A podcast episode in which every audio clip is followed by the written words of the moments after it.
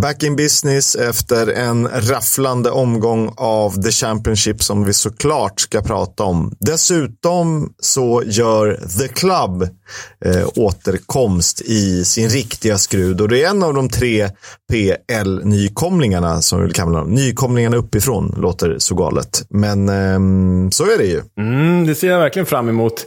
Eh, jag, ska, jag ska ha en liten rolig nugget där på dem, men det får vi återkomma till när vi, när vi pratar om dem sen. Men det blir, blir kul. Det är du som ligger bakom den, så ja, jag ska luta mig tillbaka och lyssna. Mm. Eh, jag hittade ganska mycket roligt och eh, en given höjdpunkt i deras eh, karriär, även om det finns eh, lite att ta av. Så får ni väl fundera vad det skulle kunna vara. Något mer innan vi är redo att köra igång, Leo? Ja, men jag tyckte faktiskt det var roligt. Det här är ju självcentrerat förstås, men, men det är så man upplever sitt liv, eh, i alla fall många av oss. Och eh, igår kväll när jag kommenterade Champions League-kval, eh, Rangers mot PSV, det var en jävla rolig match för övrigt så eh, eh, kommer man ju hem sen och när man kommenterar matcher ska ju folk veta att eh, det är aldrig någon som hör av sig. Alltså Förutom min pappa som sitter och tittar hemma. Men, jag hörde av mig i helgen när jag kollade Inter Monza. Det gjorde du faktiskt. Det, det ska du ha. Det gjorde du faktiskt. Men utöver min pappa och eh, du i lördags så är det aldrig någon som hör av sig. Om det inte är någon som tycker att man är en idiot. Till exempel när jag kommenterade Almeria-Real Madrid i våras. Då var det en kille som hörde av sig på Twitter och skrev att Fan vad du håller på Real Madrid, sluta med det, du är så jävla partis. Och en kille som så här, skrev meddelande till mig på, på Messenger i Facebook som skrev Fan vad du håller på Barcelona, sluta racka på Real Madrid. Men därför blev jag desto gladare igår när jag kom hem, tog upp telefonen, scrollade igenom Twitter och eh, såg att en, en kille hade skrivit till mig som hade sett matchen och skrev “Härligt att du nämnde lite Queens Park Rangers ändå. så han hade lyssnat och plockat upp att jag nämnt Queens Park Rangers i en Champions League-kvalmatch. Det gläder mig. Det måste således vara en lyssnare. Eller borde ju vara det. Vi får hoppas att det är det. Ja, det, eh, tack för att du, du hör av dig. Ja, det kändes så. Det var, det, var, det var härligt. Jag hade ju faktiskt anledning att prata om Queens Park Rangers, för Michael Beal är ju tränare i, i, i Rangers efter att ha lämnat QPR förra hösten. Eh, Måns hade för övrigt en härlig karaktär i Andrea Colpani, om ni såg den matchen. Han ser ut som en fotbollsspelare ska göra i Italien. Hårfager. Ja, exakt, exakt.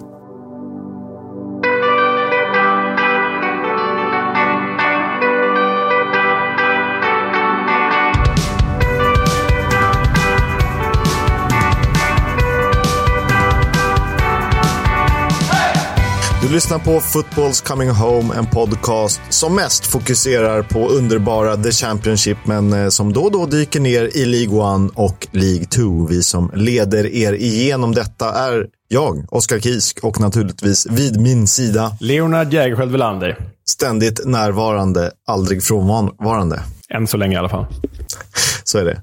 Eh, för att hinna allt vi ska göra under en timme, vilket vi absolut inte kommer, eh, det är bara eh, i den utopiska världen, så eh, stressar vi tillbaka till fredagsmatchen. Den börjar nästan bli lite roströd nu. Ja, men verkligen. Men jag tycker ändå matchen var värd att prata om, för det var ju Leeds mot West Bromwich Albion på Ellen Road. Och eh, Den här satt jag ju såklart och såg på fredagskvällen. Vi gillar ju de matcherna. Och jag måste säga återigen, matchen slutade 1-1 kan vi väl dra här direkt, men jag måste säga att återigen, när jag har sett två av Leeds tre matcher, jag har sett highlights från mm, alltså omgång två. Jag har sett Leeds mot Cardiff, jag har sett Leeds mot West Brom. Och de har ju sina problem utanför planen. De saknar massa spelare. Det är turbulent kring klubben. De tappar massa nyckelspelare.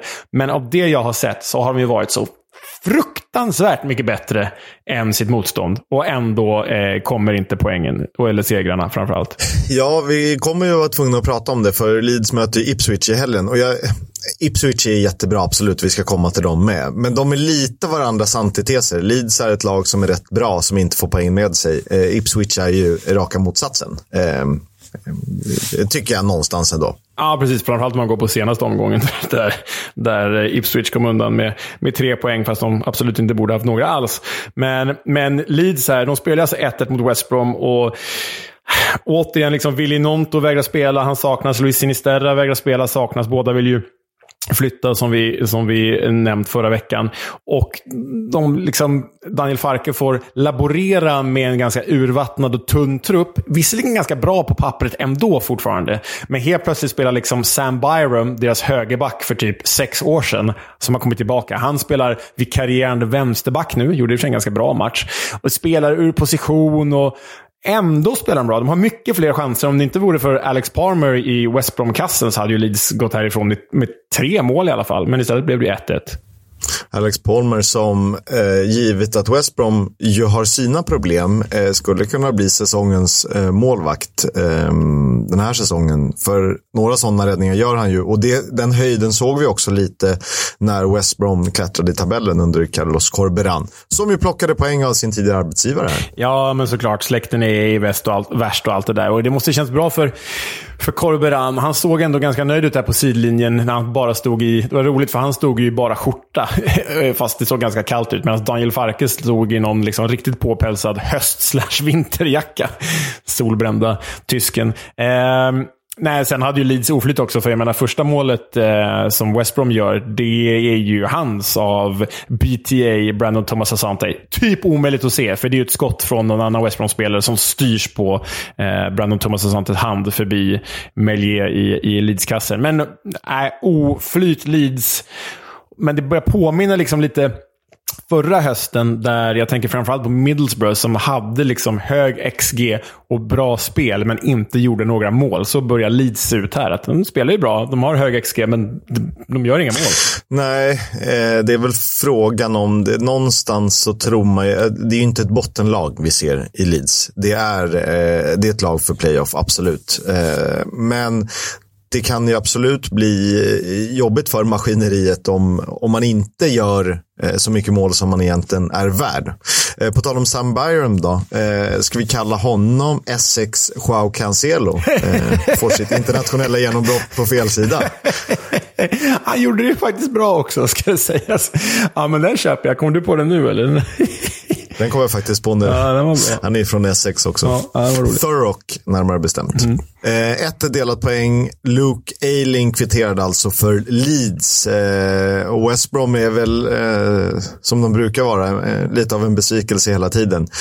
Där tror jag också det kommer igång förr eller senare. Eh, det de måste förlita sig på är att inte göra fler mål än motståndare, snarare släppa in färre mål än vad de gör. Om ni förstår vad jag eh, syftar på. Att det är viktigt att Palmer fortsätter vara frisk och att försvaret håller tätt. För de kommer inte göra så vansinnigt mycket mål. Eh, och de blir väldigt viktiga. Det, det, är liksom lite Ryan Lowe förra säsongen i, med Preston North End. Ja, och det här är ju två klubbar i liknande situationer. För jag menar, trupperna, även om Leeds har liksom utarmats rejält, så är trupperna ändå på pappret goda nog för topp 6 än så länge. Och Leeds kommer ju värva in fler spelare, så det kommer bli bättre där. Men båda är ju drabbade av ett inkompetent styre. Och då menar jag inte Leeds nya ägare, för det har vi fått för kort tid på oss att bedöma. Men jag menar ju Leeds förra ägare, Andrea Radrizzani, och framförallt sportchef, förra sportchefen som jag tappat namnet på, som har skrivit in alla de här klausulerna som innebär att liksom de som värvades under Premier League kan lämna på lån. Och West Brom är ju i en liknande situation där Gushan Lai, den kinesiska ägaren, inte investerar någonting mer. Så de kan inte och bara plocka ut pengar i klubben, så de kan inte värva. Så det är två stora klubbar med hyfsat bra trupper, men som inte haft möjlighet att utvecklas på pappret på grund av inkompetens. Så eh, ja, liknande lägen. Tuffa lägen för båda ett delat poäng alltså. Ehm, en annan match man kunde se eh, delar av var töntigt nog, men det sydkustderby. Eh, jag gillar att prata om derbyn, jag får alltid skit för det. Eh, men så är det i alla fall. Två lag på sydkusten. Det finns ju inte så många elitklubbar där ändå. Eh, Plymouth, eh, Plymouth, Plymouth mot Southampton. Ja, det skulle väl sägas att Southamptons värsta, värsta derbyval, det är väl Pompey, va? Portsmouth. Och Plymouths värsta är väl Exeter. Eh, men, men ja. det här... Och så Bournemouth där som wannabe någonstans ja, emellan. exakt. Ingen bryr sig om Bournemouth. Men, men Eh, Eh, jag såg den här matchen och hör och häpna Kisk, men Russell Martin gjorde det till slut. Jag somnade framför en fotbollsmatch. alltså, det, det, är inte likt dig. Nej, det är fasiken inte lik mig alltså. Det, det är, de är lätträknade de fotbollsmatcher jag har somnat framför. Och jag somnade när det stod 1-1. Eh, hade någon bild av att eh, Plymouth eh, kämpade och gjorde en bra match här. Och så jag håller lite tummen för dem den här säsongen, måste jag villigt erkänna. Men eh, så skrev jag då, när jag satt och skrev körschemat här, så skrev jag orättvist? frågetecken. Och du bara skrev direkt i, i, i körschemat. Det var det absolut inte. Och sen tittade jag på highlights. Jag måste ha liksom fabricerat någon, någon bild där. För jag, bilden jag hade med mig av att ha somnat i typ minut 65 eller 70, det var att Plymouth gjorde en helt jämn match mot Southampton. Men när man tittar på highlights så har ju Southampton 22 självklara mållägen och Plymouth typ 3. Så det var en... Exakt. Jag tänkte att så här, det är bra om vi går, eh, går isär i våra åsikter lite. Så här, om du tycker Plymouth hade någon jättefarlig, ja, då får det väl stå för dig. Men eh, orättvist var det inte. Sen satt det ju hårt inne. Först ut i målprotokollet. Nathan Tella kvitterades Ryan Hardy i Plymouth och såklart Jay Adams. Eh, hade jag honom som skyttekung till slut, eller? Jag tror att du hade det. Han dök ju på ett riktigt sånt där måltjuvsmål. Det var ju på stopptid, 90 plus, något skott från höger. Jag kommer inte ihåg vem det är som skjuter. Eller Nick var det från höger. Var det det? Eh, eh, var det Adam Armstrong som nickade och, och Hazard i, Hazard i, i uh, han är ju skotte eh, tror jag, eller engelsman, inte belgare. Men i Plymouth-målet räddar och så returen rätt ut till Shea. De som stöter in den i öppen, öppen kasse. Äh, men Southampton var ju värdare eh, förstås. Men jag tycker ändå att eh, jag menar, Plymouth har något. Jag vill fan åka dit. Det lät som att det var jävla bra tryck också på den här matchen. Alltså, det känns som att så här, så som man har pratat om Stoke i Premier League tidigare år och så som vi har pratat om typ Norrlandsfönstret i Allsvenskan. Så känns det att det här är grejen med Plymouth. Bara att det är liksom så långt söderut man kan komma. Uff, det är långt bort Plymouth. Aj, aj, aj. De spelar på sandigt gräs. Oj, oj, oj, oj. oj. Ja, men eh, de har ju sina egenheter där nere och verkar vara en sjukt fin stad. Det har inte kommit så långt, men någonstans i, har man ju en dröm om att flyga till London, åka tåg till Brighton och så följer man bara hela kusten bort till Plymouth och till och med Gud, ja. um, ännu längre. Hade ju varit eh, otroligt vackert. Men i den här podden pratar vi eh, mest fotboll. Eh, Che Adams, Adam Armstrong delar skytteligaledningen. De är tre mål var. Det har ytterligare fyra spelare gjort. Ja, och två av de här då i Southampton. Adam Armstrong och Che Adams. Så det är ju imponerande start får man ju säga. Um, jag nämnde gräsmattan alldeles nyss. Den såg ut som en jäkla sandlåda faktiskt. Så det är väl under all kritik. Men det jag fastnade för, det var att Russell Martin, Southamptons tränare, han fick kritik i England för sin klädstil i den här matchen. Han stod alltså i en ganska tunn hoodie och t-shirt. Och det känns ju väldigt tyskt. Det känns som en tysk tränare. Eh, inte engelsk. Men han fick kritik för att han var alldeles för casual klädd. Och då undrar jag, Kisk, eh, du som har bättre klädsmak än vad jag har. Hur ser du på det här? Vad tycker du om det här? Oh, det är lite som när Erik Niva i When We Were Kings pratar fotbollsskor eh, i avsnittet Adidas vs Puma. Eh, han, där är jag ju team Niva. Att så här, egentligen inget krav på vad folk ska ha för fotboll. Det är inte så att man måste ha Copa Mundial, annars är man eh, dum i huvudet. Eh, lite samma här. Jag kan ju jag kan ju gilla Lars Tommys liksom, träningsoverall. Det är så jävla svenskt. Och det, det, det är det verkligen. Men det här härligt. är ju snyggare än så. Det här är ändå casual. Ja, det är klart det Snyggt. Eh, och mm. Jag kan tycka det är lite cleant att ha eh, ja, casual, lite modern liksom vardagskläder. Samtidigt är du tränare i Italien och så har du en, en trendriktig, väl, eh, väl eh, sydd kostym. Det är svårslaget också. Kanske ett par liksom lediga, eh, lediga alltså sneakers fast klädda till. Också snyggt. Så ja. jag har inga preferenser. Har, har du några krav på hur tränaren ska vara? Ja, men jag gillar ju så här, du vet, jag är ju uppväxt med att spela golf och liksom hatat hela den här golfprylen. Att man måste ha rätt skor och rätt kläder och du ska ha dina pikéer. Och, du vet, jag har liksom avskytt det. Så jag har gått där i mina Converse och jag har gått där i mina liksom, badbrallor typ och, och tisha. Och folk har tyckt att jag varit en inte med badbrallor har jag inte, men du vet vanliga shorts. folk har tyckt att jag varit en idiot. Så jag, och du vet så här, byxkrav på arbetsplatser är det värsta jag vet. Då kommer jag i shorts bara för, för att protestera. Liksom. Så jag gillar ju det här tyska. Att så här, pff, alltså jag har inget emot om någon klär sig i en italiensk kostym. Det kan vara jättesnyggt. Men jag gillar det här tyska. Att bara, ja men ta på dig en keps och en hoodie så blir det bra. Det känns väldigt eh, äkta. Så nej, jag hejar på Russell Martin där. Det här är ju intressant eftersom jag är en shortsvägrare innanför tullarna. Alltså ja. rigoröst. Om det inte är så att du ska gå och slänga skräp, du ska ut och jogga, du ska eh, kanske gå och bada eller det är vansinnigt varmt. Men jag har ju nästan alltid långbyxor i stan. Nästan alltid. Ja, nej, nej, nej. Du vet, så fort kalendern går in på typ första juni och in, inom ramarna för första juni och sista augusti, då är det shorts oavsett väder. Alltså. Det finns jättesnygga linnebyxor. Ja, men nej. Oj. Nej, men tack för idag. Nej, jag vet. Men eh, eh, är man uppväxt i stan så, jag vet inte varför. Det är någon fix idé jag har fått. Men jag är tokig med sådana det... grejer. Det är lite som att jag tror att West Brom faktiskt ska gå upp en gång i tiden. West Brom eller linnebyxor, ni får välja.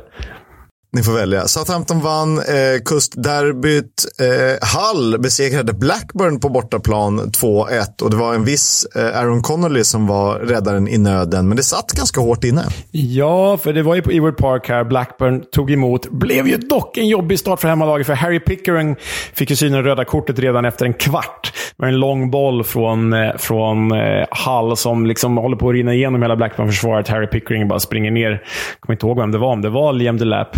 Eh, och det blir ett det är självklart rött kort. Ändå tog ju Blackburn ledningen med kvarten kvar av matchen genom Sam Gallagher. Och då trodde man ju att det här skulle gå hemmalagets väg. Men icke. Aaron Connolly som sagt, inhoppare och två baljer. Mm. Eh, såg vi tendenser till redan förra säsongen att han kan, skulle kunna vara nyttig och eh, alla nykomlingar i Hall har ju petat Oscar Estupinan. Ja, men vi frågade oss i, i guiden om det är liksom 13 mål på hösten Estupinan vi skulle få se den här säsongen eller om det var liksom den helt värdelösa Estupinan på våren vi skulle få se. Och det lutar ju åt det senare, känns det som. Ja, är det ens liksom 12 eh, framträdanden på hösten i Stupinjan eh, så känns det ju. Men man har ju lite mer power med Connolly och, och Delap såklart. Eh, Scott Twine direkt in från start. Eh, rolig värvning som vi hade, eller jag tror att jag pekade ut honom som joker förra säsongen för, för Burnley. Han fick inte jättemycket förtroende, hade lite skadeproblem och Burnley gick ju som tåget. Så det var svårt att egentligen ta en plats där det här har ju potential att bli säsongens värvning. Alltså, vi såg ju i League One vad han gjorde där för två år sedan. Han, och förra året, när han väl fick spela för Burnley, drog han in en frispark i krysset det första han gjorde från 30 meter. Så det här är ju en X-faktorspelare, vilket Hall eh, har behövt ute på kanten där. Och jag, jag tycker Hall, vi lyfte dem lite grann som någon slags playoff-utmanare. Ja, eh, man ska inte, det är för tidigt att ropa hej, men jag, jag, det här ser bra ut. Värvat jäkligt smart. Och Aaron Connolly har ju haft enorm potential länge. Eh, varit i Brighton i Premier League och sådär, men inte riktigt fått ut målen. Nu har han faktiskt gjort tre mål hittills den här säsongen. Det är personbästa för honom. ja, det, det kanske säger rätt mycket. Men eh, jag tror ändå det finns att ta av. Ainsley Pierce stod i mål till vissa supportrars eh, sorg. Leopold Wahlstedt var inte ens på bänken. Jag har inte läst om någon skada eller någonting, så det måste vara jag vet inte vad det beror på. Ja, nej, eh, jag vet faktiskt inte heller. Så, så eh, vi får se. Vi inväntar ju svar från honom angående intervju också, så det hoppas vi på. Vi väntar en del svar. Bristol City är eh, ett sjunkande skepp. Eh, Birmingham är en raket på väg uppåt. Ja, för det var ju Bristol City 0, Birmingham 2. Det här nya, härliga, fräscha Birmingham känns, alltså, känns jäkligt spännande. Eh, vi ska ju sammanfatta, det blir väl nästa vecka, tror jag. Eller nej, det blir nog veckan efter. ska vi sammanfatta transferfönstret. Och Birmingham kommer komma högt upp på min lista i alla fall, kan jag, kan jag meddela. Men det var ju ett av nyförvärven. Kojimi Yoshi, gjorde ju 1-0 för Birmingham på minut 45. Och sen var det ju den ack så speciella gamla målskytten Lukas Jutkevic med mål för andra matchen i rad som stängde matchen. Ja, möjlig, möjlig utmanare till eh, typ topp tre flest mål. För att han är ju där topp 10 i alla fall. Ja, äh, jävla spännande Birmingham. Bristol City däremot, där börjar jag få lite ont i magen. Vi gillar ju dem ändå, Kisk, men eh, jag börjar bli... Det är tidigt, jag vet, men jag börjar bli lite orolig att det kan bli en bottenstrid för det här laget. Ja, eh, lite som Cardiff har genomlidit eh, tidigare säsonger. Att så här, fasen, det borde ju kunna vara lite bättre, men det är inte det. Rob Dickey blev utvisad den här matchen. Statistiken, 0-6 i skott på mål. De har alltså noll avslut på mål med 64 procent bollinnehav. Det är ju Aj, bedrövligt. dåligt. Och de möter ju inte ett Southampton eller ett eh, Leicester eller ett Ipswich i galen form. Utan det är så här Birmingham. De ska ju typ vara på samma nivå. Om de inte till och med ska vara bättre på pappret än Birmingham. Ja, nej, nej, nej. Absolut. Nej, det, det har gått stiltje där i både klubb och lag och det, det är ju synd. För vi vill ju gilla, vi vill ju gilla Ashton Gate, eh, killarna från Ashton Gate. Men... Um ja, det ser deppigt ut. Dit vi hoppas få åka den här säsongen. Nigel Pearson out är möjligt. Det känns som de skulle kunna hitta någon lite mer kreativ lösning där. Håller med. Leicester fortsätter att ånga på. De är ett av två lag som har tagit full pott hittills. Det blev så även med Cardiff. Där satt det också, likt Southampton, då, hårt inne för eh, Foxes. Ja, det blev ju 2-1 till The Foxes till slut, men det var ju på stopptid då nyvärvade Chelsea-lånet Cesare Casadei eh, avgjorde efter tumult och rabalder i straffområdet. Han firade som Anders Svensson gjorde 2002 mot Argentina. Eh, Casadei var ju utlånad till Reading förra säsongen. Det gick inte alls bra, men här sätter han avtryck direkt. Men du, det man tar med sig från den här matchen allra främst, det var ju Aaron Ramseys kvittering, för det var ett jävla drömmål. Vad kan det vara där, Chris? 35 meter? Han avlossar bössan? Ja, det är det. Den, har ju, den, den bollbanan har bestämt sig tidigt. Upp i bortre krysset är dit den ska. Och det var ju inget snack om saken. Kul att han är igång. Roligt för serien, roligt för Cardiff ändå. Oavsett vad man tycker om Cardiff. Ja, nej men... Eh... Nu har ju Cardiff, de letar väl alltjämt, om jag är rätt underrättad här, alltjämt efter sin första seger. Men, men det känns som att med Aaron Ramsey i laget så ska de faktiskt kunna ta en seger förr eller senare. Men eh, vi har ju faktiskt hoppat över här att bland alla Leicesters nyförvärv den här säsongen så var det ju en egen produkt, uppflyttad egen produkt i Wanya Marsal som har ju varit startspelare den här säsongen och han gjorde sitt första A-lagsmål här eh, för Leicester. Han satte 1-0 blott 20 år gammal. Så eh, spännande. Det stämmer ju att eh, Cardiff inte, de har ju bara tagit en poäng hittills, men de är ju inte dåliga den här matchen. Om det mot förmodan slutar 1-2 här istället. Så det är ju inte så att man ramlar av stolen. Nej, nej, nej, absolut inte. Och det är det som är grejen här, tycker jag, lite med Leicester. Är det en styrka att spela dåligt och vinna ändå. För jag menar, så var det i premiär mot Coventry också. Eller är det en svaghet att spela dåligt och vinna ändå? För då kanske man liksom spelar på lånad tid. Jag, vet inte, jag kan inte bestämma mig. För antingen är man som Juventus, man spelar gamla Juventus. Man spelar dåligt men vinner hela tiden i alla fall. Eller så är man liksom bara en bluff som är på väg att avslöjas. Jag känner inte riktigt, eh, jag känner inte riktigt bluffen här. Jag tycker ändå på pappret att det finns kvalitet eh, som borgar för att prata om dem som möjlig titelfavorit om vi får revidera vårt tips. Ja, nej men jag är, jag är nog där också faktiskt. Och om vi tittar på Leicester historiskt så är det här blott tredje gången i Leicesters historia som de vinner sina tre inledande ligamatcher på säsongen. Det är alltså en ganska lång historia, den är över 100 år gammal.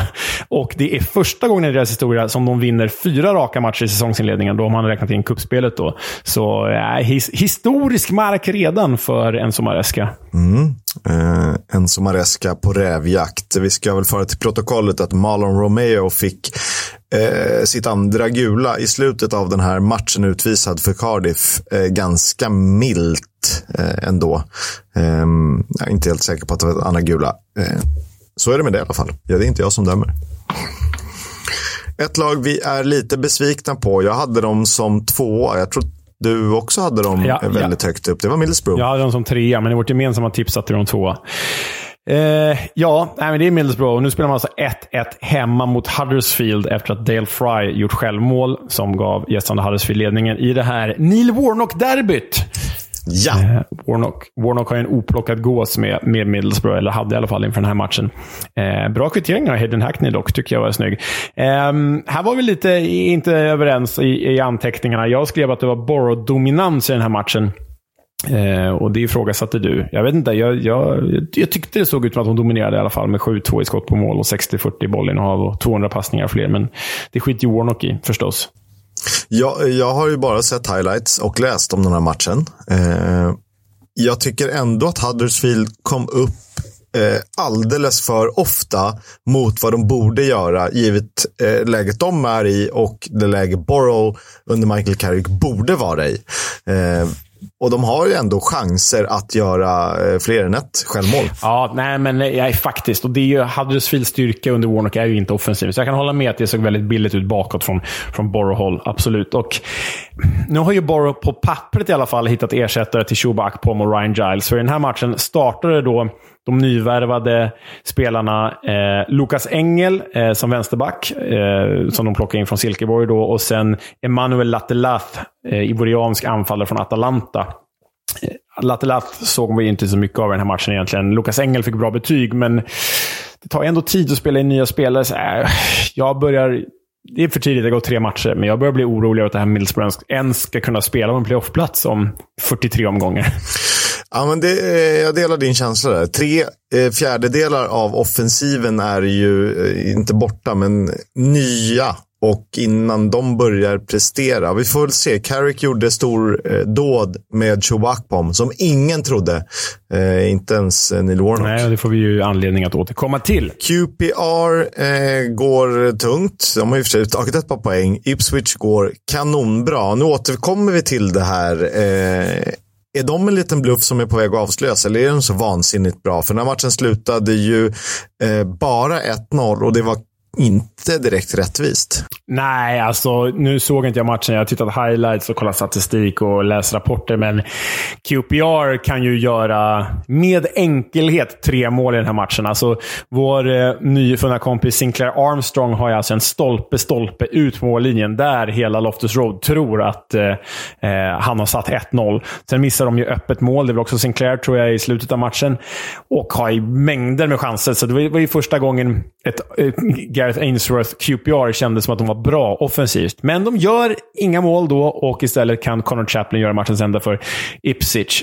Ah, det här är ju på många sätt definierande för ett bottenlag och ett topplag, skulle jag säga. För eh, QPR, eh, gör man inte mål de där chanserna, då gör man inte mål. De har en, rad galna chanser där eh, Sinclair Armstrong ser pricken över i. Ja, det här är, alltså man lider med dem.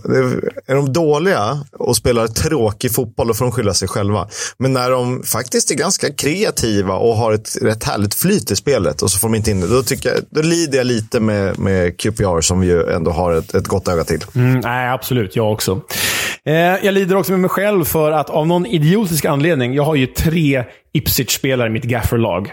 Tre Ipswich-spelare. Jag har Chladki, målvakten, jag har Leif Davis, eh, vänsterbacken, och jag har Connor Chaplin. Och jag har haft alla tre från start i de två föregående om omgångarna. Av någon anledning får jag för mig då, när de ska möta QPR, ligans arguably sämsta lag, så sätter jag Connor Chaplin på bänken och så gör han mål. Varför gjorde jag det för? Det vet jag inte, för jag har honom i startelvan. Jag har haft ett tag. ehm, prisvärd och vi såg redan förra säsongen vad han kunde uträtta i League One. Full pott för Ipswich alltså, vilket betyder att de är obesegrade i 22 raka matcher. 9 poäng på 9 matcher. 22 raka matcher. 14 segrar på de 16 senaste i, i ligaspelet då. Liga och cupspel, va? Ja, nej, det är ju eh, ohyggligt imponerande. Eh, jag har ju hoppat på den här, det här Ipswich-tåget, eller Ipswich-traktorn kanske man ska säga. Jag, jag är med dem hela vägen. Eh, absolut, det vore jättekul. Men jag... Ja. Mm. ja men det, det, det, ser bra ut, men jag tycker inte att det ser så, så bra ut. Nej. Förr eller senare kommer väl den här plumpen, eller så får vi äta upp, eller får jag äta upp mina ord. En annan nykomling, eh, ett favoritlag till podden som gör allt annat än att underhålla och eh, imponera på oss i Sheffield Wednesday. Alltså jag måste bara säga här när vi stannar vid Sheffield Wednesday, eh, utöver att de förlorade hemma mot Preston North End med 0-1. Men när du och jag var där, då köpte jag ju i shoppen köpte jag ju ett gosedjur till vår yngsta son. Inte din och min yngsta son, min fru och min yngsta son. Julian. Eh, och eh, han är två år gammal och det här gosedjuret är en liten uggla. Eh, som jag kommer inte ihåg vad han heter. Han heter typ Harry eller någonting. Heter han inte Ozzy Jo, men Ozzy är liksom ja. den stora ugglan. Jag köpte en gosedjursversion av den lilla ugglan. Ah. För Ozzy the Owl, han såg ut som Ozzy Osbourne, så han vill jag inte ge till någon. Men, men den här Harry, eller vad han heter, har blivit Julians favoritgosedjur då. Och eh, han sover alltid med honom hemma och så där, går runt med honom hela tiden. Men i morse när jag gick till föris med ungarna så ville han ha med eh, det här gosedjuret då till föris. Och när, det här låter som en sån här påhittad grej som man säger med sina barn sen, så var beredd på det. Men eh, när jag kommer fram till föris så frågar eh, förskolepedagogen som tog emot oss så här, Åh, vad är det där för gosedjur Julian? Och då svarar han Wednesday. Det är ändå oh, bra injobbat på, på Det är bra uppfostran. Ja. Men det kommer inte vara lika kul om två år när han ska börja kolla League 2. Ja, nej, det, då, ja, jag har ju redan förstört hans liv och min, vår äldsta son sitter ju, hej, sitter ju och skriker heja Derby efter förra, efter förra, förra säsongen. Så det, ja, nej, det... det är inte konstigt om du får lätt schizofrena ungar med alla dina favoritlag. Precis. För det, det är ju 30-talet och då pratar vi bara Storbritannien. Ja, Sen har ja. vi ju, då har vi inte börjat med Frankrike, och Italien och Spanien än. Det är kanske enklare om jag bara lär dem vilka de ska hata, för det är ju typ av tre stycken. Ja, det är väl Cardiff, typ. Cardiff, och, Cardiff och Real Madrid. MK Dons. Och PSG. Och MK Dons. Ja. Eh, jättetråkigt. Eh, däremot så säger Chisco Munoz eh, att truppen är tillräckligt bra för att hålla sig kvar. Eh, då är det ju alltså hans fel här. Ja, då tar jag han, det blir så indirekt, de här, är det du som är för dålig då? Och jag menar, när Chisco Munoz anställdes för typ en dryg månad sedan, då pratade ju eh, Sheffield Wednesdays ägare om att målsättningen med den här säsongen, det är att komma på playoff. Och det är helt idiotiskt. Det är ju galenskap från chansi, det förstår vi allihopa. Men då har det plötsligt gått tre omgångar och nu pratar man om att hålla sig kvar svänger snabbt då. Och förutom att Wednesday då har noll poäng, enda laget med noll poäng hittills, så är det också laget med lägst offensiv XG efter tre matcher. Så det är ingen bra start. Nej, de skulle behöva träffa transferplankan med någon sån här skön eh, lirare. Jag, jag, jag kommer inte på någon namn. Alltså, de skulle behöva hitta typ en, okej, okay, vi eh, kickar igång Lucas Schaus karriär igen. Eller vi lånar in, man kanske, en Andy Carroll eller en Tom Ince eller eh, ännu hellre någon eh, av de som gjorde succé i, um, i Borough, alltså typ en Cameron Archer eller Aaron Ramsey. Det kanske blir svårt för deras nivå och läget de är i, men de skulle behöva... Lucas Schwau är ju ett superrimligt namn. Alltså, det är ju helt rätt. Eller man hade varit tidig på Will Keane till exempel. Alltså faktisk kvalitet som... En joker, men ändå som har bevisat att fasen jag kan göra någonting. Ja, nej, men de här nyförvärven som plockat in nu, det känns så random. Alltså Bali Mumba och Davis Vasquez. Och, nej, jag nej, inte, inte. Bali Mumba, för han spelar i Plymouth och han är väl bra. Ja, han är superbra. Vem menar jag? Jag menar... Eh... De har Juan Delgado och Davis Vasquez i mål. Nej, jag menar Mambo number five. Han Bambo ja. i mittbacken som varit skräp tidigare. Ja. Ja, nej. Eh, och det gör ju att det här resultatet då att det är första gången sedan 2007 som The Owls förlorar de tre första matcherna. Sen kanske vi ska nämna att PNI faktiskt eh, ser ut som den playoff-utmanare och den joker jag trodde att de skulle kunna vara. Tätt bakåt, eh, gör vad som krävs framåt. Precis så som West Brom borde vara. Ja, nej men eh, verkligen. Du, du, var rätt. Du var tidigt ute eh, på PNI och eh, övertalade mig lite grann där i guiden. Så nej, jag får ge dig åtminstone rätt där hittills. Vi är bara tre matcher in, men eh, absolut. Så är det. Eh, Sheffield Wednesday, Preston North End 0-1 alltså. Vi ska prata om Stoke mot Watford. Det blev tre poäng till The Potters. Och här är en liten rolig grej. Tre lag som vi liksom har någon slags Ja, men vi kan väl ändå kalla dem typ storklubbar för nivån. Det är Stoke, det är Hull och Birmingham. Kul att se att de liksom äntligen börjar hitta någonting. Ja, nej, men det tycker jag också. Eh, jag var ju i Stoke där precis före pandemin och det var ju en jäkla upplevelse alltså med, med Tom Jones på läktaren och så. Så jag, jag tycker, nu skrev jag ner Stoke inför den här säsongen. Jag trodde inte alls på dem, men de får gärna överbevisa mig, för det är kul när det går bra för The Potters. Och här var det ju då nyförvärvet från portugisiska ligan, André Vidigal, som satte matchens enda mål. Och han kallas ju numera föga oväntat för Vidigol i, i Stoke-lägret. Tre, matcher, tre mål på tre matcher för honom så här långt. Ja, det är ett pangmål ändå får man säga. Bra, bra fullträff. Eh, Kansema inte lika lycklig. Ja, han hade ju ett jätteavslut. Eh, gick en bit utanför. Spelade från start, spelade hela matchen. Kul att han får förtroende naturligtvis. Eh, andra raka nollan framåt för Watford. Mm, och eh, man känner ju där att de fick en flygande start genom att få göra fyra mål på en halvlek mot Queens Park Rangers. Men eh, det kanske blev för enkel start, för eh, så bra ser det inte ut här under Valerian Ismail. Det kan jag inte påstå. Nej, eh, det kan man inte göra. Men eh, det kommer säkert gå upp och ner som det gör eh, hela tiden. Stoke smyger upp lite som en utmanare då, under radarn någonstans. Absolut. Sunderland mötte Rotherham eh, och nu kanske de vaknar till liv lite, Sunderland. Trots att de startar med Bradley Dack på topp igen. Alltså de behöver ju hitta ett alternativ till Ross Stewart där uppe. Men nu vann de ju i alla fall. De vände 0-1 till 2-1. Och den stora mannen i matchen, det var ju alltså Job Bellingham, Judes lillebror, som på egen hand vände 0-1 till 2-1. Han gjorde två mål, 22 minuten och 52 minuten, och blev därmed den första, nej, den yngsta spelaren att göra två mål i en Championship-match sedan Ryan Sessegnon gjorde det för Fulham 2018. Ehm, det förpliktigar ju. Vad är han? 17, 17 år, va? Ja, han. Och hyllades rejält av Tony Mowbray efter matchen. Som en spelare som faktiskt också vill lära sig fotboll, utvecklas i sporten och kan hantera i princip alla positioner över hela mittfältet. Både kanter och lite mer defensivt och lite mer eh, framåtlutat.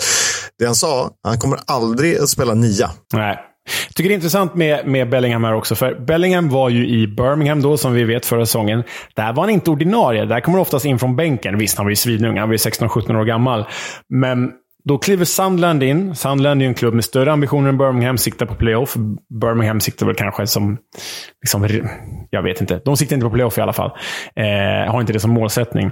Och Sandland kliver in och säger eh, Job, skriv på för oss så får du spela från start i ett bättre lag. Och det är klart han gör det. Så jag tycker det är intressant att Sandland jobbar utifrån de premisserna. Att vi ser ungdomar som vi vill släppa fram tidigare än där de faktiskt är idag. Eh, bra, bra jobbat Sandland. Ja, men där, där jobbar de ju faktiskt väldigt bra. Fick vi se prov på förra säsongen. Rätt roligt att det här var samma dag som hans bror, eh, superstjärnan Jude Bellingham, gjorde två mål för Real Madrid mot Almeria. Eh, han gjorde dessutom två plus ett. Då vet ni det. Eh, bra dag för bröderna Bellingham. Taskigt överglänsa lillbrorsan. Yes, jag gjorde två för Sunderland. jag gjorde två för Real. ja, det, det är viss nivåskillnad. Det kan vi väl ändå erkänna. Bellingham Brothers. Så är det. Victor Johansson i kassen för Rotherham. Hade, hade mycket att göra, kunde inte göra mycket på målen dock. Rotherham har ju fått en säsongstart vi trodde, trots att Hakim Odoffin gav Millerman ledningen här och gjorde faktiskt mål för andra matchen i rad. Men det hjälpte inte. Jag har en liten analys kring Sunderland, eh, som ju har i sin bästa stund kanske seriens bästa spelare. Åtminstone en av eh, de bästa offensiva och kanske den bästa. Luke O'Nine. Patrick Roberts. Nej, men Jack Clark. Han är ju, kan göra vad han vill med bollen. Men ibland blir det lite så när en spelare sticker ut kvalitetsmässigt gentemot sina lagkamrater. Att allt ska gå via honom. Eh, det finns massor av tendenser i andra lag och ligor. Eh, han, det har ju varit lite rykten om att han är på väg bort. Om inte han är 100% fokuserad på uppgiften och allt ska gå via honom, då tror jag man har ett litet problem. Ja, nej, men jag håller med dig. Och framförallt nu när Amad Diallo inte verkar komma tillbaka. Då hade man liksom två sådana spelare som man visste kunde leverera i varje match. Därtill då typ Patrick Roberts som som kunde kliva fram. Men ja, nej, det, de har förlorat mycket av att Amad Diallo har, har försvunnit och när Ross Stewart inte heller är där så... Det är ett tunga avbräck och jag förstår om Jack Clark eh, redan börjar känna sig trött. Jag delar den analysen sista matchen som spelades på lördagen, eh, rent då, eh, vad heter det? Från A till Ö var ju Swansea mot Coventry och det blev delad pott. Ja, 1-1 Matt Godden. Matty Godden mål igen för tredje matchen i rad för Coventry om man räknar med spel i ligacupen. Och han startade på topp tillsammans med Hadji Wright. Hadji Wright, amerikanska nyförvärvet, medan det andra stora nyförvärvet, Ellis Sims, inledde på bänken. Jag vet inte vad du tror, Kisk. Jag tror ju att Sims och Wright är tänkt att starta överlag den här säsongen, men när Godden är den form han är i, då går det inte att peta honom. Det känns helt klart rimligt. Jag skulle väl hålla Ellis Sims bäst av de här kanske, men Hadji Wright är ju stjärnförvärvet. Verkligen. Och så fick Jerry Yates eh, kvittera, som vi ändå höjde i guiden inför säsongen. Ja, och eh, möjligtvis att han går mot en ny stark säsongsinledning så får vi se om man kan hålla, hålla över 46 matcher. För då kan han bli nyttig för ett Swansea som ju faktiskt är segerlösa i ligan under nytränaren Michael Duff. Exakt. Mer analys än så behövs inte riktigt kring det här. Det spelas en match på söndagen och Oj, vad vi imponeras av Norwich. Undrar om inte det är laget som har visat högst höjd hittills under säsongsinledningen. Jo, men det tycker jag faktiskt. Visst att eh, Leicester och Ipswich har full pott och Norwich inte har det, men det här var en fotbollsuppvisning. Det här var, jag menar, perioden här från minut 30 till 70. Alltså Norwich var så överlägset Millwall. Det var sån enorm klasskillnad. Och jag menar, Millwall är ett lag som i alla fall jag inför säsongen trodde skulle kunna komma sexa och upprepa sin fina fjolårssäsong eller till och med göra den ännu bättre. Men det här var ett Gary Rowett-försvar som plockades isär av ett skönspelande Norwich. Han spelar fantastisk fotboll. Jonathan Rowe, mål igen då. Alltså, för en kvart sedan visste varken du eller jag vem man var. Nu har han gjort, nu har han gjort eh, mål i fyra raka matcher om man räknar i kuppspelet. 20 år gammal egen produkt. Äh, borde till och med ha gjort ett till mål. Äh, fantastiskt, fantastiskt bra spel från Norwich. Och Josh Sargent knoppar in den på skallen och Ashley Barnes mörsar in den med vänsterfoten. Äh, det, mm, hatten av Norwich, för det här är det jag har sett seriens spelmässigt bästa lag. Millwall ser ju både trögt ut framåt och stillastående bakåt. För att det var ju inte det försvar vi är vana vid att se. Nej, det var ju, det var ju vilsen stuga. Det var ju vad det nu betyder, vilsen stuga. Jag vet inte ens vad, vad fan är det för Jag tänkte säga hönsgård, men jag sa vilsen stuga. Konstigt. Klassisk vilsen stuga avsnittsnamn, Vilsens stuga. Åh herregud vad konstigt. Uh, nej, men de var ju fruktansvärt dåliga. Såg inte alls ut som ett Gary Rowett-försvar. Uh, eh, Joe Bryan saknades till vänster. Borde inte betyda så mycket, givet att han inte var med förra säsongen. Uh, sen tycker jag inte alls att de har fått liksom ut något offensivt av förändringarna de gjort. Jag menar, Tom Bradshaw gjorde ju 17 mål förra säsongen. De har tagit in den här Nisbet, heter han va, från, från skotska ligan. Han ser ju tyvärr ut som att han borde spela i skotska ligan. Det ser helt bedrövligt ut hittills. Så Sian Fleming har flyttats fram in liksom verkar spela mer renodlad anfallare. Och det jag har sett, då blir han inte inblandad i spelet lika mycket som han var förra året. Äh, det, det ser dåligt ut, Millwall. Sen kan man komma ihåg, de hade en dålig start förra året också och var ändå ytterst nära playoff. Så de, de kan ju komma in i det. Ja, nu kommer jag inte ihåg vem det var men det var någon av våra gamla stötar till eh, tränare som sa att eh, det är jävligt dumt att ha ett transferfönster öppet medan säsongen har börjat. Eh, menade att säsongen ska börja när fönstret är stängt. Ja, och det är ju rimligt. Både in och ut faktiskt. Eh, det håller jag med om. Det blir lite jobbigt annars. Kort grej från League One. Eh, I premiären så möttes ju Barnsley och Port Vale. Vet du vad den matchen slutade? Barnsley Port Vale. Jag tror att den typ slutade 7-0 eller 7-1 till Barnsley om jag minns rätt. Den slutade 7-1 till Barnsley. Och då tänker man ju så här, ah, okej, okay, nu går de upp. Eh, vet du hur det har gått efter för de här två lagen? Eftersom att du frågar så misstänker jag att typ Port Vale gått som tåget och Barnsley gått åt helvete. Ja, men det stämmer. Eh, Barnsley har tagit en poäng efter 7-0 premiärsegern och Port Vale har tagit sju poäng efter eh, premiärförlusten med 7-0. Ja, jävlar. Kul. Det är bra bullet. Ja, gillar jag. Fina League One.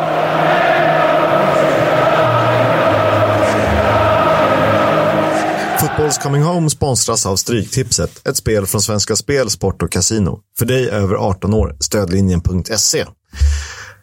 Den här veckan så landar jag i match 6. Mycket av de anledningar vi pratade om innan. Ipswich eh, mot Leeds. Och Ipswich är ju den här säsongens stora utropstecken. Men jag tycker ändå att de har fått en ganska bekväm säsongsinledning sett till motstånd. Det har varit ett Sunderland, tveksam form, bland andra. Och nu kommer det åtminstone på pappret, första riktiga provet när då Leeds gästar Portman Road där Ipswich senast förlorade i slutet av november förra året. Leeds har haft det tuffare hittills och är alltjämt utan seger i Championship, Championship efter en turbulent sommar med transferkaos. Om sträckningen är för tung på hemmasidan kan det ju vara intressant att titta mot Leeds-hållet som ju ändå besitter en hel del kvalitet och rutin i truppen. Så inte stirra sig blind på tidigare resultat alltså. Leo, vad har vi för något i helgen? Alltså det här är en sån, det här är en sån helg att jag vill gå igenom allting. Men jag fattar mig kort. Fredag, fredagsfight. Hall mot Bristol City. Och eh, jag är redo att hoppa på den här löpande tigen för, för eh, eh, Kevin. Det där får jag klippa bort, för det låter ju jättebisarrt att hoppa på en tiger som löper. Det får du klippa bort, Kevin. jag kör om. Förlåt. Det lät ju helt sjukt. Ja, men det finns väldigt mycket att ta från den här helgen, Kisk, och jag ska fatta mig kort. Men fredagsfighten, Hull City mot Bristol City och eh, det kommer ju bli eh, väldigt spännande att se Tigrarna ta sig an de här rödhakarna. Så den ser jag väldigt mycket fram emot, Kisk. Därtill så är jag riktigt sugen på lördagens Birmingham mot Plymouth. Mm, två lag som ändå imponerat hittills på mig och som känns jävligt spännande. Och så måste vi lyfta svenskmötet på söndag. Vi hoppas att Leopold Wahlstedt står i mål när Blackburn gästar Ken Semas Watford. Ben Foster avslutar karriären eh, för andra gången eftersom han came out of retirement för att spela upp Wrexham till League 2. Men nu är det nog efter att ha släppt in fem baller i senaste matchen och det känns väl ganska rimligt också. Ja, jag tror att om man gick bakåt typ tre matcher hade de släppt in typ 14 mål på tre matcher nu. Så, ja, nej, han pallar väl inte med det här och det är väl lika bra så. Jag såg att eh, Jonas Olsson, via Play-experten, men framförallt den tidigare svenska landslagsmannen och West Bromwich-legendaren hyllade sin gamle kompis på sociala medier. Om vi går över på ryktessidan så bekräftar Tony Mowbray att Alex Pritchard ska lämna Sunderland. Det är ju trist. Det är klart det är trist. Samme Mowbray eh, ser dock ut att ha det lite tufft för att det snackas om att de ser över hans position. Mm. Och eh, ska vi stänga ett rykte som vi tog upp i förra veckans segment. Men ingen Sorry Kaba till Birmingham. Han nobbade the Blues. Så det var ju trist. Det är med. Boo. Eh, klara transfers. Romeo Lavia från Southampton går till Chelsea.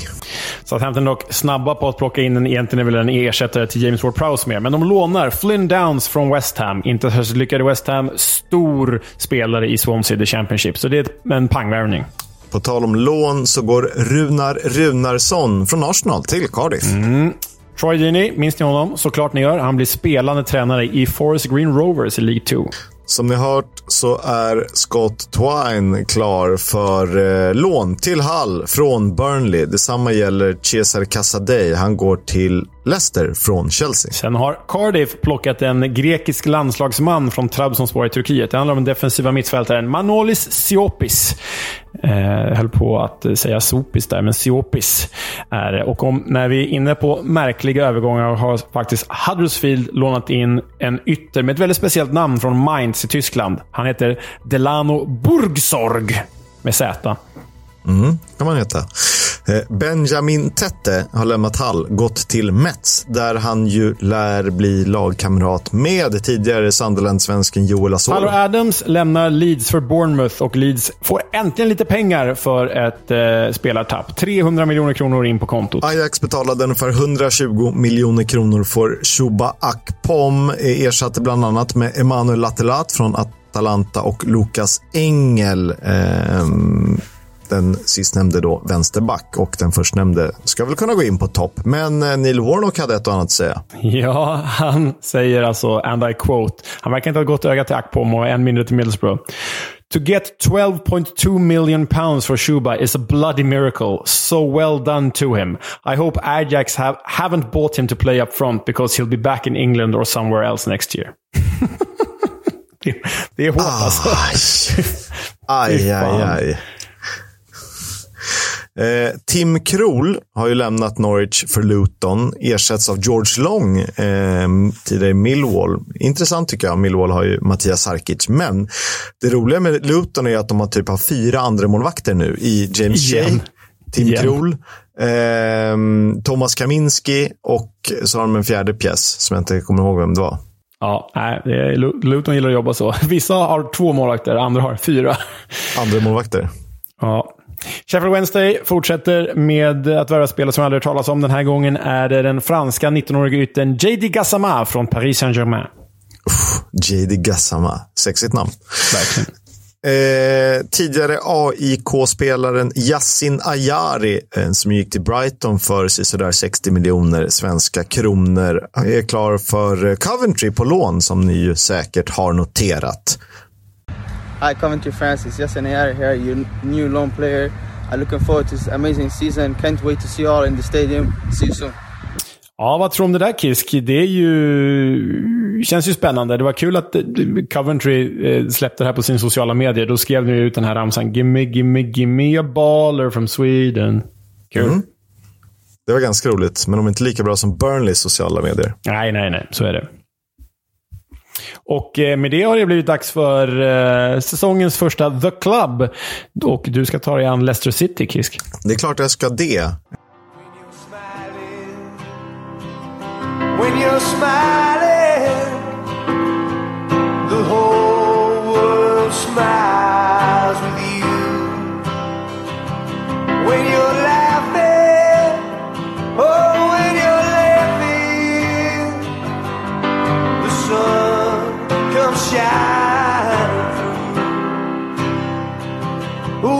Crying. You bring out the rain, so stop your sighing. Be happy again when you're smiling. The whole world smiles with you. The whole world smiles with you.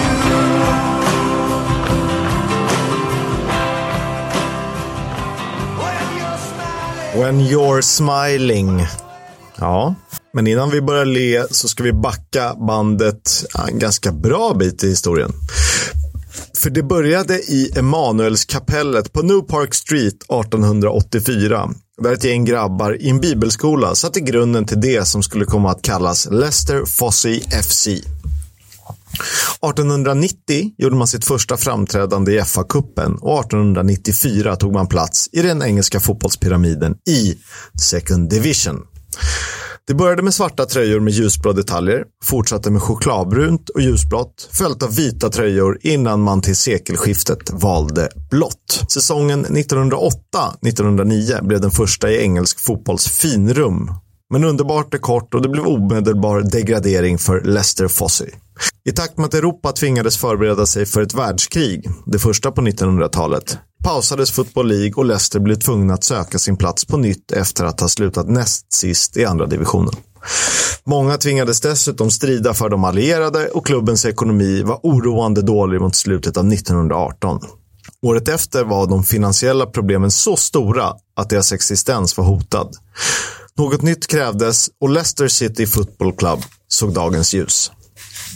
Leicester, staden alltså, är belägen i East Midlands. Faktiskt en av Englands äldsta städer som på senare år varit eh, viktig under industrialiseringen och gjort sig känd som viktig för textilproduktionen. Men åter till fotbollen. Det började i andra divisionen, men innan 20-talet var till ända hade Leicester tagit sig upp i First Division och 1929 nått sin bästa placering dittills. Tvåa i finrummet. Faktiskt deras näst bästa placering någonsin. Och lugn, vi kommer dit. Jo, vad tänk, kan du tänka på då? Ja, man vet inte. Och det är egentligen så det ser ut för Leicester City. Jojo mellan ettan och tvåan. 55 säsonger i finrummet, vilket är två fler än Leeds och två färre än Birmingham, för att sätta det i kontext. Sedan 1948 har Leicester haft en räv i emblemet och Foxes är ju det vedertagna smeknamnet. Eh, jag har ju en heraldiker på tråden, så vet du varför de kallas Foxes, Leo? Nej, men det har väl med rävjakt att göra eh, såklart. Men jag får väl anta att liksom rävjakt är stort i Leicestershire eh, utan att veta mer. Eh, Det är så jag förstått det. Den, den mest troliga är att rävjakten i England hade sitt liksom, första säte någonstans i Leicester, började där. Och därför så valde man räven. Det finns andra förklaringar som dock låter mer krystade. Så vi, vi håller oss till den här sanningen. Jag, eh, jag har en liten passus där som jag vill slänga in. Eh, jag teasade med att jag hade en grej om, om The Club här. Och eh, Jag har gått igenom klubbars motton, klubbmotton. Du vet, så Blackburns Arte Labore och eh, Arsenals Victoria Concordia Och där Clash. est facere. Ja, precis. Det finns många bra, men Leicesters är fan inte bra. Alltså. Den är så jävla krystad och dålig. För deras är Foxes Never Quit. Man bara, gör, gör de inte, gör de inte det för? Eh, Liksom i, i, ihärdiga när de jagar höns, eller vad menar ni? Vad- Vadå Foxes Never Quit? Har ni bara, drog ni det ur näsan nu, eller vad? Om någon av våra lyssnare har förklaring till varför Foxes Never Quit, så alltså jag tänker mer på en grävling du vet, som biter och aldrig släpper taget. Det tänker jag på, men ja, okej, Fox, ja, ja, de, Foxes never quit. ja.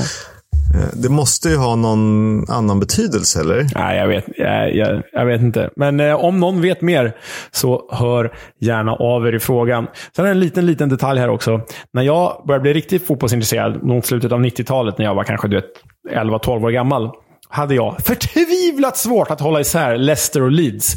För jag tyckte att de lät likadant och båda hade blåvita klubbmärken. Alltså, för jävla svårt hålla isär dem i typ två års tid. Ja, nu är det samma sak som ska slåss om samma placering. Exakt. Vi hoppar fram till efterkrigstiden, närmare bestämt 1960-talet. Lead, eh, och nu säger jag ju Leeds. Fan vad bra. Ja.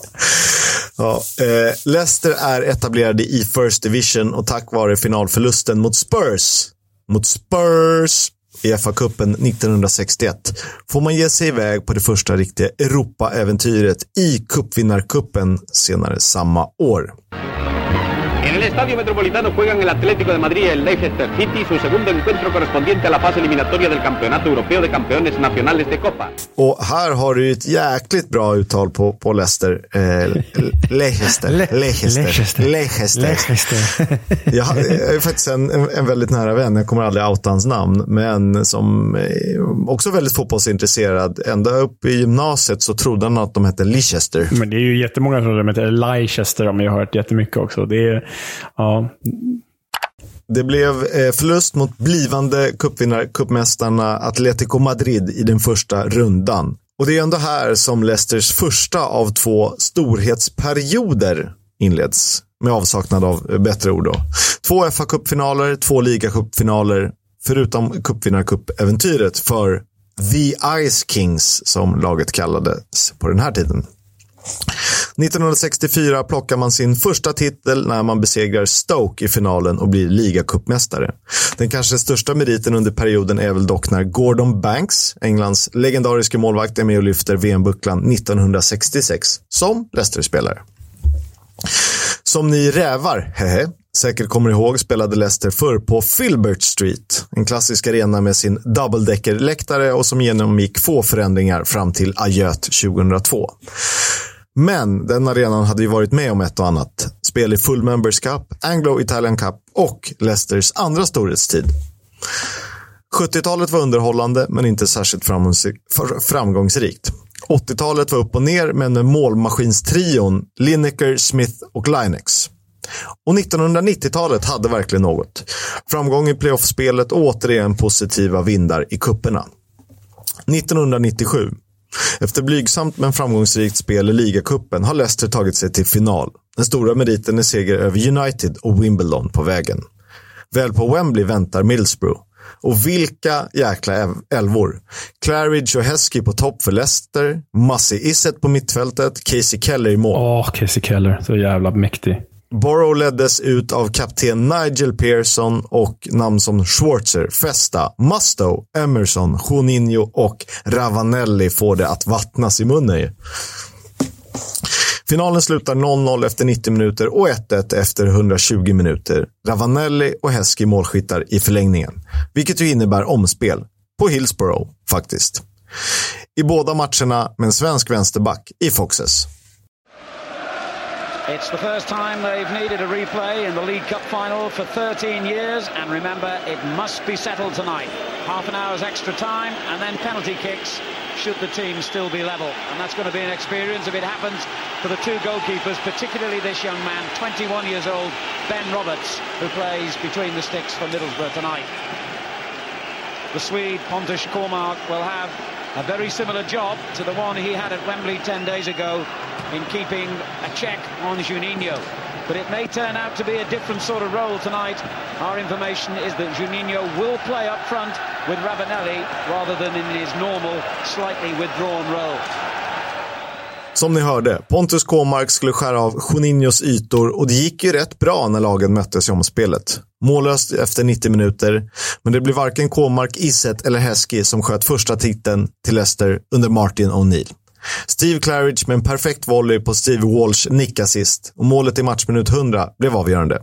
Och vem ersatte Claridge i den 117 minuten om inte... Ska jag, ska jag veta det här eller? Eh, ja, det får du väl göra. Är- Nej, det är Nils-Erik Johansson. Nej, det är för tidigt för honom. Nej, jag vet inte. Det är för tidigt för honom kan man väl säga. Mark Robbins. Jaha. Nej, det hade jag absolut inte en aning om. Nej, inte jag heller förrän jag läste det här. Coventrys tränare alltså. Ja, exakt. Exakt den Mark Robbins. Ligacupsegern leder till spel i Uefa-cupen där man faller mot Atleti igen. Leicester lyckas faktiskt inom loppet av fyra år nå tre ligacupfinaler. En förlust och två titlar. Den andra säsongen 99-2000. Typ när Premier League var som mest underhållande, eller hur? Ja, ja, ja. Verkligen. Där, eh, det är fortfarande massa Iset-åren, så absolut. Det var dock inget Premier League-lag på andra sidan när det vankades cupfinal på Wembley i februari 2000. Leicester hade besegrat Leeds och Fulham på straffar innan 1-0 i dubbelmöte med Aston Villa i semifinalen. En ganska bekväm lottning på andra sidan banade väg för Tranmere Rovers, då i First Division, alltså andra divisionen. Worthington Cup Final 2000, den sista ligacupfinalen att spelas på Wembley. It may not be everyone's idea of a dream final, but try telling that to the fans, players and officials of two clubs determined to milk every precious moment. Leicester, hardly strangers to Wembley, but cast this year in the unusual role of favourites at Tranmere Rovers, for whom six months ago the very idea of being one step from Europe would have been thrown out by Royal the Rovers for being too far-fetched. Ett hyfsat utbytt men alltjämt älskvärt lag ställdes på banan av Martin O'Neill. Tim Flowers i mål, Frank Sinclair, Matt Elliott och Jerry Taggart i backlinjen. Robbie Savage som höger wingback, Mats Iset såklart på centralt fält där även Neil Lennon spelade. Och på topp, Emil Heskey bredvid Tony Cotti. Det är ett köttigt lag det där. Alltså, det är riktigt köttigt. Och här är ju en passus eh, som inte har något med någonting att göra. Men reservmålvakt, eh, det här är vad jag kallar, eh, han är kanske det mest kända namn som med minst antal spelade matcher som målvakt. Han är fransman Peggy Arfexad. Ja, ja, ja. Känner du igen ja, honom? Han var ju i Liverpool som andra keeper, kommer jag ihåg. Eh, Ja, men det, det här är en sån här kille som alltid dykt upp i alla Fifa, eh, alla managerspel man har spelat. Och man har koll på namnet, kanske för att det sticker ut lite, men man, han har ju typ aldrig varit ordinarie någon Nej, gång. det är, det är intressant där. Det är, det är spännande med den typen av målvakter. Jag vet att Helsingborg, eller jag minns att Helsingborg hade ju en understudy jävligt länge till Sven Andersson. Om ni minns Sven Andersson som Siro-svensk var ju han liksom en av allsvenskans största målvakter på ja, men 80, 90 och tid. Det var ju han, Bengt Andersson och Dick Last som var konstanterna. Och Sundfors Giffarna och, och Källqvist i Exakt. Och Häcken. konstanten bakom San Siro-Sven, det var ju Fredrik Larsson. Och jag tror att han hade rekordet. Han blev ju första målvakt sen i något år i HIF. Det gick inte så bra tyvärr. Men, men eh, jag tror att han hade rekordet i flest antal eh, bänkmatcher i rad i Allsvenskan. Och det var typ nu... Alltså, det var över 400 stycken i alla fall, vilket är helt sinnessjukt. Liksom. Stackars krake. Så här 11 år, aldrig bli inbytt. Roligt namn i alla fall. Eh, som då ställs mot ett väldigt anonymt Tranmere. Förvisso John Aldridge som manager, men den mest kända här är väl Clint Hill. Clint Eh, Hill, Queens Park Rangers. Ja, ja, exakt. Han blev för övrigt utvisad i den här finalen. Det är väl en av få man känner igen om man ska vara ärlig. Det börjar i dur för Leicester som tar ledningen genom Matt Elliott i första halvlek. Tranmere kvitterar dock i matchminut 77 genom David Kelly. Men glädjen blir kortvarig för Rovers. Guppy now with the corner.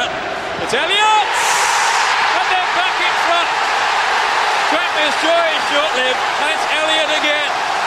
And The keeper a, stayed on his line. it's a carbon copy. Watch how he Mittbacken och lagkaptenen Matt Elliott med sitt andra mål i matchen och Leicesters andra ligacuptitel på fyra år ett faktum. Efter det så lämnar ju O'Neill Leicester för Celtic och två år senare åker man ur Premier League för att sen ta sig tillbaka direkt. Det blir dock omedelbar degradering och bara åtta år efter ligacuptriumfen samt en åttonde plats i finrummet åker man även ur The Championship. Nu blir det bara en ettårig sejour i League One innan man eh, därefter är tillbaka, eh, nära ta sig tillbaka via playoff. Och det här är ju med Nigel Pearson vid rodret. Och faktiskt, vare sig han vill eller inte, en central figur för hela klubbens historia. Eh, han drar ju iväg en säsong till Hull, eh, men återvänder till Leicester 2011. Vi ska väl också nämna att man i början av 00-talet flyttat från Filbert Street för att ta plats på en nybyggd arena, Walkers Stadium. Walkers är chips och ingenting annat. Eh, en arena som ju sen bytte namn till King Power Stadium efter ja, sponsorskap eh, från de thailändska ägarnas företag King Power. De är väl störst på duty free. Och ännu efter, eh, efter ännu en playoff-semifinalförlust ska Pearsons rävar till slut få jubla när man säsongen 2013-14 vinner The Championship på 102 poäng. Blott sex förluster för ett ja, men helt otroligt lag. De har ju en anfallsuppsättning som består av Nugent, Vardy, Chris Wood, Gary Taylor Fletcher och Ja, Kevin ett Phillips. gäng, Eh, Han är alltså. i och för sig rätt gammal vid den här tiden, men det är galet. Jag tror att de har, de har ytterligare någon anfallare. På mittfältet då, Drinkwater, King, Mares, Matty James, Andy Knockart och Jeffrey Schlupp eh, att använda en, på en kant. Eh, försvarsgeneraler Wes Morgan och Kasper Schmeichel. Eh, Schmeichel som ju, här är väl när han börjar växa ut till en riktigt, riktigt bra målvakt på allvar. Det här är ju också sjunde gången som Leicester vinner andra divisionen, vilket ju är ett rekord som delas med vilka då? Oj, eh, fan, mycket små quiz idag. Måste man ju tänka klubbar som åkt ur och gått upp mycket. Det är typ så nej, Cardiff gick upp men de Cardiff... Det, jag säger Sunderland. Nej, det är det ju inte. Det är faktiskt Manchester City. Jaha. Det är ett annat City som ju har sportwashat bort Det är City den vi gillade. Paul Dickov City. Ja, ja, ja, exakt. Vi har ju nu hunnit till sommaren 2004, men låt oss hoppa fram ytterligare ett år. Leicester har precis säkrat en stabil 14 plats i Premier League. Nigel Pearson har dessutom blivit månadens tränare för april efter en rad fina insatser. Men det dröjer inte länge innan bomberna briserar i Leicester. Den 30 juni 2015 sparkas Pearson efter att styrelsen menat att man inte kunnat jobba vidare med honom.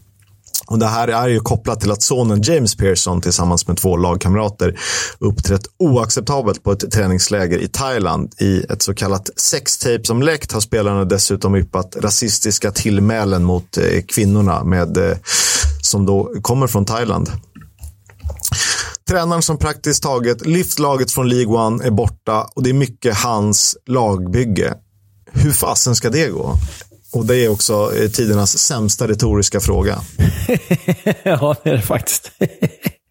Man förstärker försvaret med rutinerade Robert Hoth och vänsterbacken Christian Fuchs. På topp kommer japanen Shinji Okazaki in och till mittfältet värvas namnkunnige Gökan Inler. Betyder inte Fuchs eh, räv på tyska, tror jag? Ja, det skulle det kunna göra. Jag tror att det gör det faktiskt, vilket är extra roligt. Det kom vi på nu, så här åtta år senare.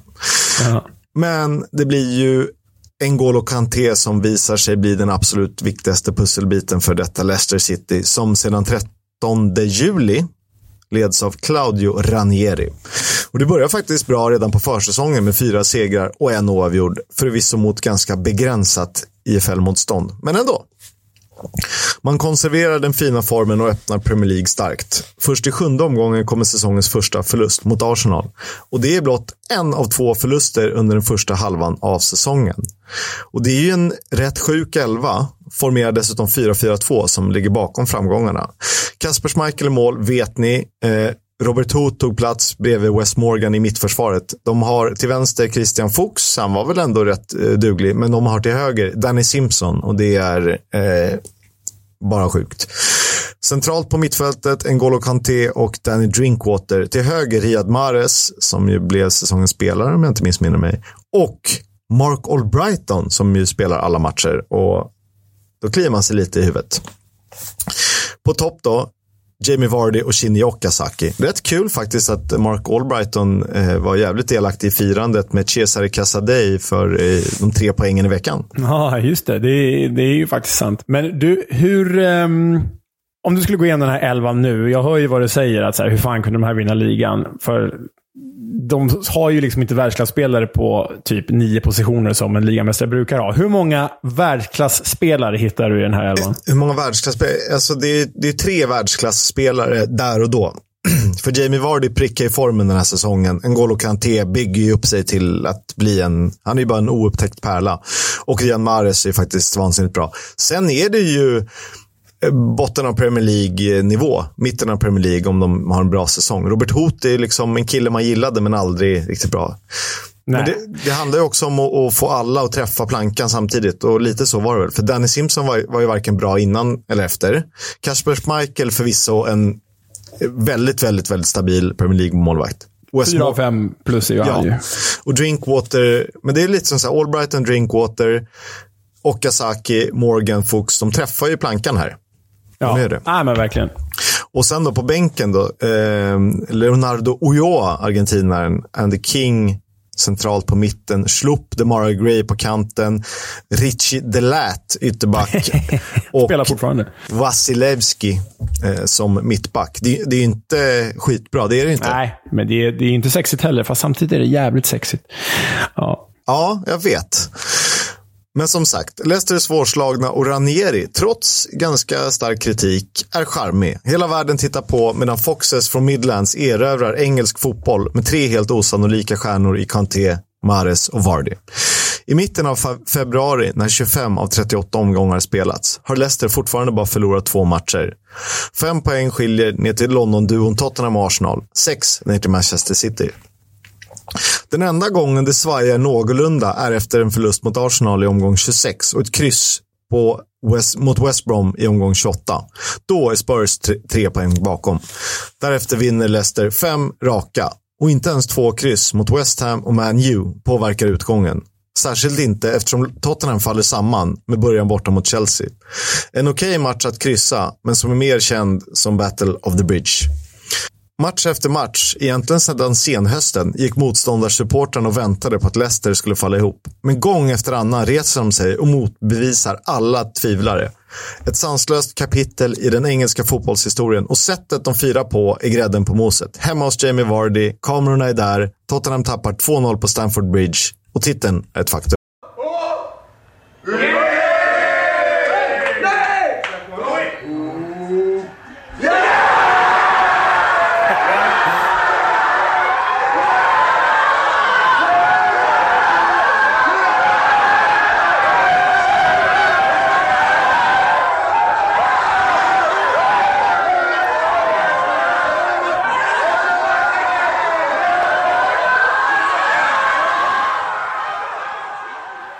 En fotbollskontext är detta tillsammans med några andra händelser nästan ett sånt moment där man minns vad man var. Eh, känns det som. Lite som, en väldigt lång jämförelse, men eh, när Twin Towers rasade så kommer ju de flesta ihåg vad de gjorde eller vad de var eftersom det var. Lite var det så att när man såg den här matchen och jag kanske eh, av en annan anledning eftersom jag eh, hoppades att Tottenham skulle vinna mot Chelsea. Men eh, förstår du vad jag menar? Det finns några så här finaler i, i VM, kanske Champions League, typ Liverpools eh, vändning och så vidare. Ja, men verkligen. Jag kommer ihåg där eh, Twin Towers. Eh, jag tror att jag var hemma den dagen.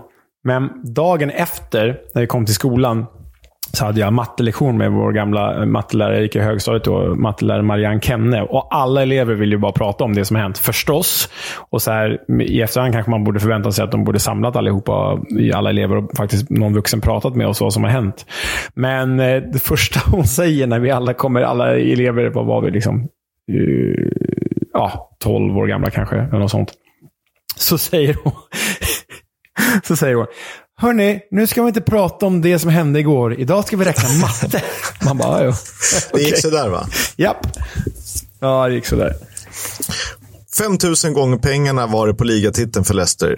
Men Pearsons lagbygge, Ranieris kryddning. Once in a lifetime. Framgångarna fortsätter i Champions League där man lyckas vinna sin grupp och slå ut Sevilla i åttondelsfinal. Bara ett mål skiljer dessutom i kvarten mot Atleti. Ja, vad fan. Just det. Tredje gången. Efter att ha etablerat sig i mitten lyckas man två säsonger i rad ta sig upp i toppen igen. Men klubben skakas också av en enorm tragedi när ordförande Kun Vichai Srivadnaprabha tillsammans med fyra andra omkommer i en helikopterolycka utanför King Power Stadium. Leicester slutar femma säsongen 2019-2020 och samma placering säsongen därpå. Två säsonger som främst kantas av spel inför tomma läktare på grund av den rådande pandemin. Men när Leicester på ett relativt enkelt sätt tar sig till FA-cupfinalen 2021 är delar av publiken tillbaka. 20-22 000 eh, åskådare tillåts på Wembley den 15 maj när Juri Tillemans skjuter matchens enda mål och Leicester besegrar Chelsea. Klubbens första FA-cuptitel. Leicester, the FA Cup winners 2021. It's their day at Wembley.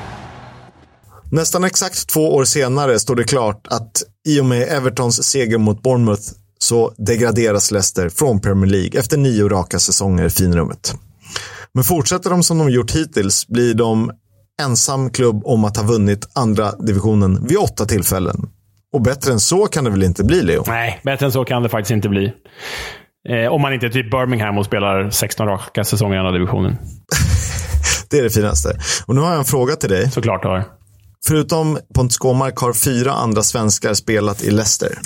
Eh, vet du vilka? Jag tror att jag har rätt bra koll på det här ändå. Fyra andra svenskar. Okej, jag har ju redan sagt Nisse Johansson. Han spelade där. Eh, Ja, men det är bra. efter Blackburn. Jag vet att Patrik Järbrand spelade där. Kommer jag ihåg. Uff, den är Ja, jag vet att eh, min kära kollega på TV4, Astrid Ajdarevic, har varit där på lån. Typ. Jag tror det var ett lån. Eh, och, Har Astrid spelat där? ja, det tror jag. Måste jag, Fan, det har jag, jag, måste, det har jag missat. jag måste googla det. Men jag tror att han var där på lån. Astrid... Ja, det var han ju. Han räknas inte som svensk. Va? Nej, Taskigt. eh, alban. Ja, ja, Ja, då, har du, då är det fem eh, svenskar ytterligare. Nej, det betyder att jag ska ta två till då alltså. Åh. Ja, nej, det behöver du inte göra, för det hade inte jag heller gjort. Ja, jag vet. Jag, nej. Vilka kan det vara? Nej, jag, nej, jag vet inte. Det är Lars Gunnar Karlstrand. Ja! Fan, den gamla arga centertanken från typ, vad spelar han? Västra Frölunda, va? Och sen är det Kalle Gustafsson. Men då pratar vi alltså eh, 1913. Han spelade i Leicester Fosse. Jaha, Innan han sjukt. gick tillbaka till Köping och sen till Djurgården. Sjukt. Nej, den har jag aldrig hört talas om. Och L, Snyggt. eh, ja, LG, kul. Det var Leicester City. Eh, har du något att tillägga? Nej, men det är ju... Jag vet inte, jag tycker Leicester symboliserar så jäkla bra vad, vad jag känner för högsta serien kontra andra divisionen. Leicester har verkligen varit ett lag jag inte har brytt mig om, förutom det där ligaguldet eh, 2016, de, de senaste åren. Och sen nu, så fort de gick ner, så bara åh, fina Leicester. ja. Ja, det var, det var en jobbig period när de vann, men eh, det är väl klart att det ska de ha, såklart. Du, ska vi kika Absolut. till Gaffer lite snabbt, eller? Måste vi det? Det går så dåligt, Kisk. Det går så dåligt. Jag sa ju att eh, Gaffer, eh, eller fantasy, är ju ingen eh, sprint i ett maratonlopp. Och jag är på plats 70 och du är typ på plats eh, 60 någonting. Eh, Det skiljer väl eh, 15 poäng eller något sånt där. Patrik Blombäck eh, fortsätter, fortsätter att ånga på, men jag undrar om inte han har använt ganska många av sina, eh, vad heter det, wildcards. Och det kan man ju göra. Han vill, han vill eh, eh göra oss desillusionerade, eh, såklart. Eh, så, du vet, så att folk ska hoppa av, känna att det är för stort avstånd upp till honom redan nu. Och då ska man känna sig avsågad och bara ge upp. Men inte Blombeck. Vi kommer. Nej, och så jagas han av Forever QPR. Sen skiljer det typ 100 poäng upp för oss och det har gått tre omgångar. Men det är ett maratonlopp och vi kommer och jag har alla mina wildcards kvar och eh, förr eller senare kommer någon Samir Smodic att eh, göra det för mig. Ja, alltså jag måste bara välja rätt målskyttar. Jag har typ haft kanske fem sex målskyttar hittills. Problemet är att typ alla utom en har jag haft på bänken. Så eh, jag får göra det bättre än vad jag gör, helt enkelt. Du är en dålig matchcoach. Så är det. We'll have a chat about the fucking game. About your game, last few months, last few weeks. Fucking character. Vi åker till Barnsley, eh, där det, ni hörde hur det gick. Man vann premiären med, fem- eh, med 7-0 mot Port Vale. Sen eh, är det tufft. Sen har man tre utan vinst. Och när det dyker upp en eh, presskonferens så undrar man varför får inte Aaron Leia Iseka, för övrigt eh, yngre bror till Micho Batshuayi, spela? Och, ehm, ja, det finns olika sätt att ställa frågan på, men är man i Storbritannien så ställer man den på ett visst sätt. Um, whose wife is Aaron Lay at second sleeping with not get a game? Ja, det här är ju fantastiskt alltså. Det är så jävla rak fråga. Och, ja, vadå? Vad har han gjort för fel liksom? För att få inte få spela? Nej, det är otroligt bra. Mycket roligt. Det finns ju faktiskt fall eh, i svensk fotboll där en spelare har eh, varit tillsammans med en tränares dotter och det har ju gått som det har gått. Det har gått men det har eh, gått, det är ja. en annan historia. Mm. Nej, men eh, jag hade inte sett den förrän du skrev in den här i schemat. Så, äh, rolig. Den är rolig. Eh, det var allt för idag, hörni. Lite Leicester, lite eh, minianalys av eh, starten. Fasen vad roligt att det är igång. Nu kan vi äntligen börja skönja liksom toppen och botten, även fast det kommer ändra sig helt i november. Det kommer det förstås göra. Ehm, Jag kan också meddela att på fredag spelar jag in säsongens första intervju. Det kommer ju med i nästa vecka då, men det är West Bromwich-vinkel på den i alla fall. Det blir kul. Och det är inte Jonas Olsson. Och det är inte Jonas Olsson, nej. Precis. Kul grej. Mm. Tack för idag då. Hej, hej.